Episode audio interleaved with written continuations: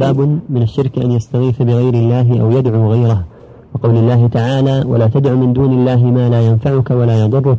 فإن فعلت فإنك إذا من الظالمين. وإن يمسسك الله بضر فلا كاشف له إلا هو.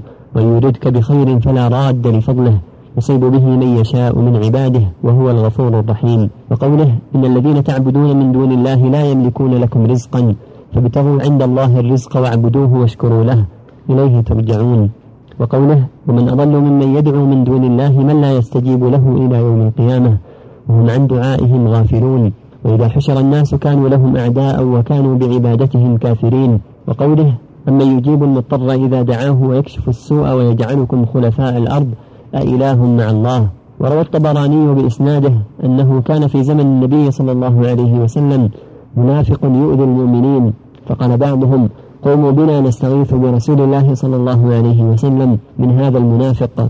فقال النبي صلى الله عليه وسلم إنه لا يستغاث بي وإنما يستغاث بالله. يقول رحمه الله باب من الشرك أن يستغيث بغير الله أو يدعو غيره. الدعاء أعم فهو من عطف العام على الخاص. الاستغاثة أخص والاستغاثة هي دعاء المكروب. كان دعاء في الشدة يقال لها استغاثة والدعاء أعم من ذلك. فالمعنى أن من الشرك أن يدعو غير الله في الشدة وفي الرخاء. ولهذا قال من يستغيث بغير الله أو يدعو غيره فعطف العام على الخاص. وذلك لأن دعاء الله من أهم العبادة. قال الرسول صلى الله عليه وسلم الدعاء والعبادة فلن يدعو أصحاب القبور؟ أو يستغيث بهم؟ أو يدعو النجوم؟ أو يدعو الشمس؟ أو القمر؟ أو الأصنام؟ أو الأشجار والأحجار؟ أو الجن؟ أو يستغيث بهم عند الشدائد؟ قد جعلهم آلهة مع الله. قد عبدهم مع الله. فلهذا بين المؤلف رحمه الله أن هذا من الشرك الأكبر. ومن جنس عمل المشركين مع اللات والعزى ومناه ومع هبل ومع غيرهم من غيرها من الأصنام والأوثان. فالواجب على كل من يدعي الإسلام بل الواجب على كل مكلف أن يحذر ذلك ويخلص العبادة لله وحده لأنه خلق ليعبد الله وما خلقت الجن والإنس إلا ليعبدون. وقد أمر بهذا قال تعالى يا أيها الناس اعبدوا ربكم الذي خلقكم والذين من قبلكم لعلكم تتقون. والرسل عليهم الصلاة والسلام بعثوا بهذا. قال تعالى ولقد بعثنا في كل أمة رسولا أن يعبدوا الله واجتنبوا الطاغوت.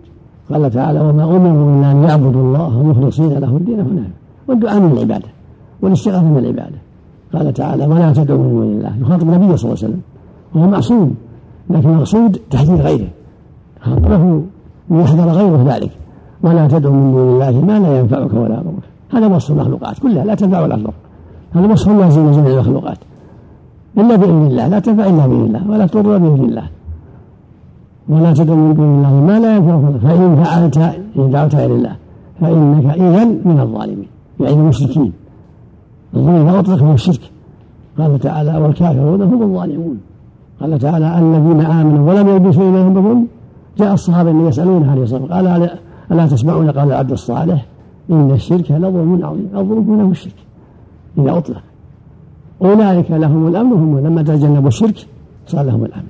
هكذا قول جل وعلا ولا تدعوا من دون الله ما لا ينفعك ولا يضر فإن فعلت إن دعوت غير الله دعوت أصحاب القبور دعوت الأصنام دعوت الأشجار والأحجار دعوت النجوم دعوت الجن أو غير ذلك فإنك إذا من الظالمين. يعني حين دعوتك تكون من الظالمين المشركين وهذا عام يعم جميع المخلوقات. لكن يستثنى من ذلك دعاء الحي الحاضر القادر. هذا ليس بداخل في هذا. دعاء الحي دعاء الحي الحاضر القادر الذي يسمع كلامك ويقدر أو بالمكاتبة أو من طريق الهاتف لا بأس مو داخل في هذا. قال الله تعالى في قصة موسى فاستغاثه الذي من شيعته؟ على من عدوه يعني حي موسى حي قادر. قال الله فاستغاث يعني قبطي يعني الإسرائيلي استغاث موسى على قبطي. شيعة موسى بنو إسرائيل والعدو هم القبط. فاستغاثه من شيعته بني إسرائيل على عدو هذا بني على القبطي فدل على جواز الاستغاثة في الشيء المقدور من الحي الحاضر أو بالمكاتبة ونحوها. مثل ما يستعين الإنسان بأصحابه في المهمات في الحرب في الكروب. يستعين على المزرعة على رعي الإبل على رعي الغنم على القتال في سبيل الله. لا بأس. تقول لزيد لولدك ولا لأخيك ساعدني على اليوم على رعاية الإبل على رعاية الغنم على رعاية البقر. ساعدني اليوم على الحشيش جيب حشيش الغنم جيب كذا جيب كذا. لا بأس لأنه قادر. أو تقول اشتري كذا أو بع كذا توكله لا بأس. المقصود أن هذه الأشياء فيما يتعلق بالأموات والغائبين أو العاجزين. يعني يعتقد فيهم. ما عاجز؟ يقول انصرني وهو عاجز ما يقدر. لكن يعتقد في السر إنها يستطيع النصر لأنه مسر عنده قدرة وإن كان مقعدا وإن كان كفيفا وإن كان مريضا كما يدعو أصحاب القبور أصحاب القبور وكما يدعو أصحاب الانحرافات من الصوفية المبطلة يدعون شيوخهم ويستغيثون بهم ويزعمون لهم خصوصية وأنهم ينفعون ويضرون لجهلهم وضلالهم. وقال تعالى فابتغوا عند الله لقوا واعبدوه قال تعالى وإن يمسسك الله بخير فلا كاشف له إلا هو. ويمسك بخير فلا راد بفضله قال تعالى ومن أضل إن لا أحد أضل. من يدعو من الله من لا يستجيب له إلى يوم القيامة. وهم عن دعائهم غافلون. وإذا حشر الناس جميع الناس كانوا لهم أعداء وكانوا بعبادتهم هذا وصف حال هذا وصف يشمل جميع المخلوقات. كلهم بهذا الوصف. ومن أضل من, من لا يستجيب له إلى يوم القيامة. وهم عن دعائهم غافلون. لأنه إما ميت وإما جاهل ما عنك ما سمعك. أو عاجز. حشر الناس جميع الناس يعني يوم القيامة كانوا لهم أعداء كان مدعوون أعداء وكانوا بعبادتهم كافرين منكرين لها جاهدين لها كما قال تعالى ويوم يحشرهم يعبد الله فيقول أنتم أضللتم من عبادي هؤلاء أم هم ضلوا السبيل قالوا سبحانه. فهذا يدل على أنهم لا يعلمون يعلمون حال الداعين ولا يعرفون عنهم شيئا. ولا وقال جل وعلا ذلكم الله منكم ولن تدعون من دونه ما يملكون من تقدير إن تدعوهم لا يسمعوا دعاءكم ولو سمعوا ما استجابوا لكم ويوم القيامة يكفرون بشرككم ولا ينبئك مثل خبير.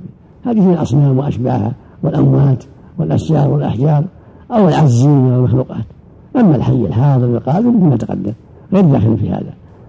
وقال تعالى أمن يجيب المضطر إذا دعاه ويكشف السوء.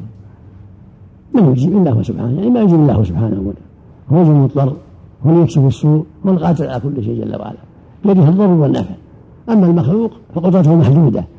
قدرته محدودة إذا حيا قدرته محدودة فيما يستطيع.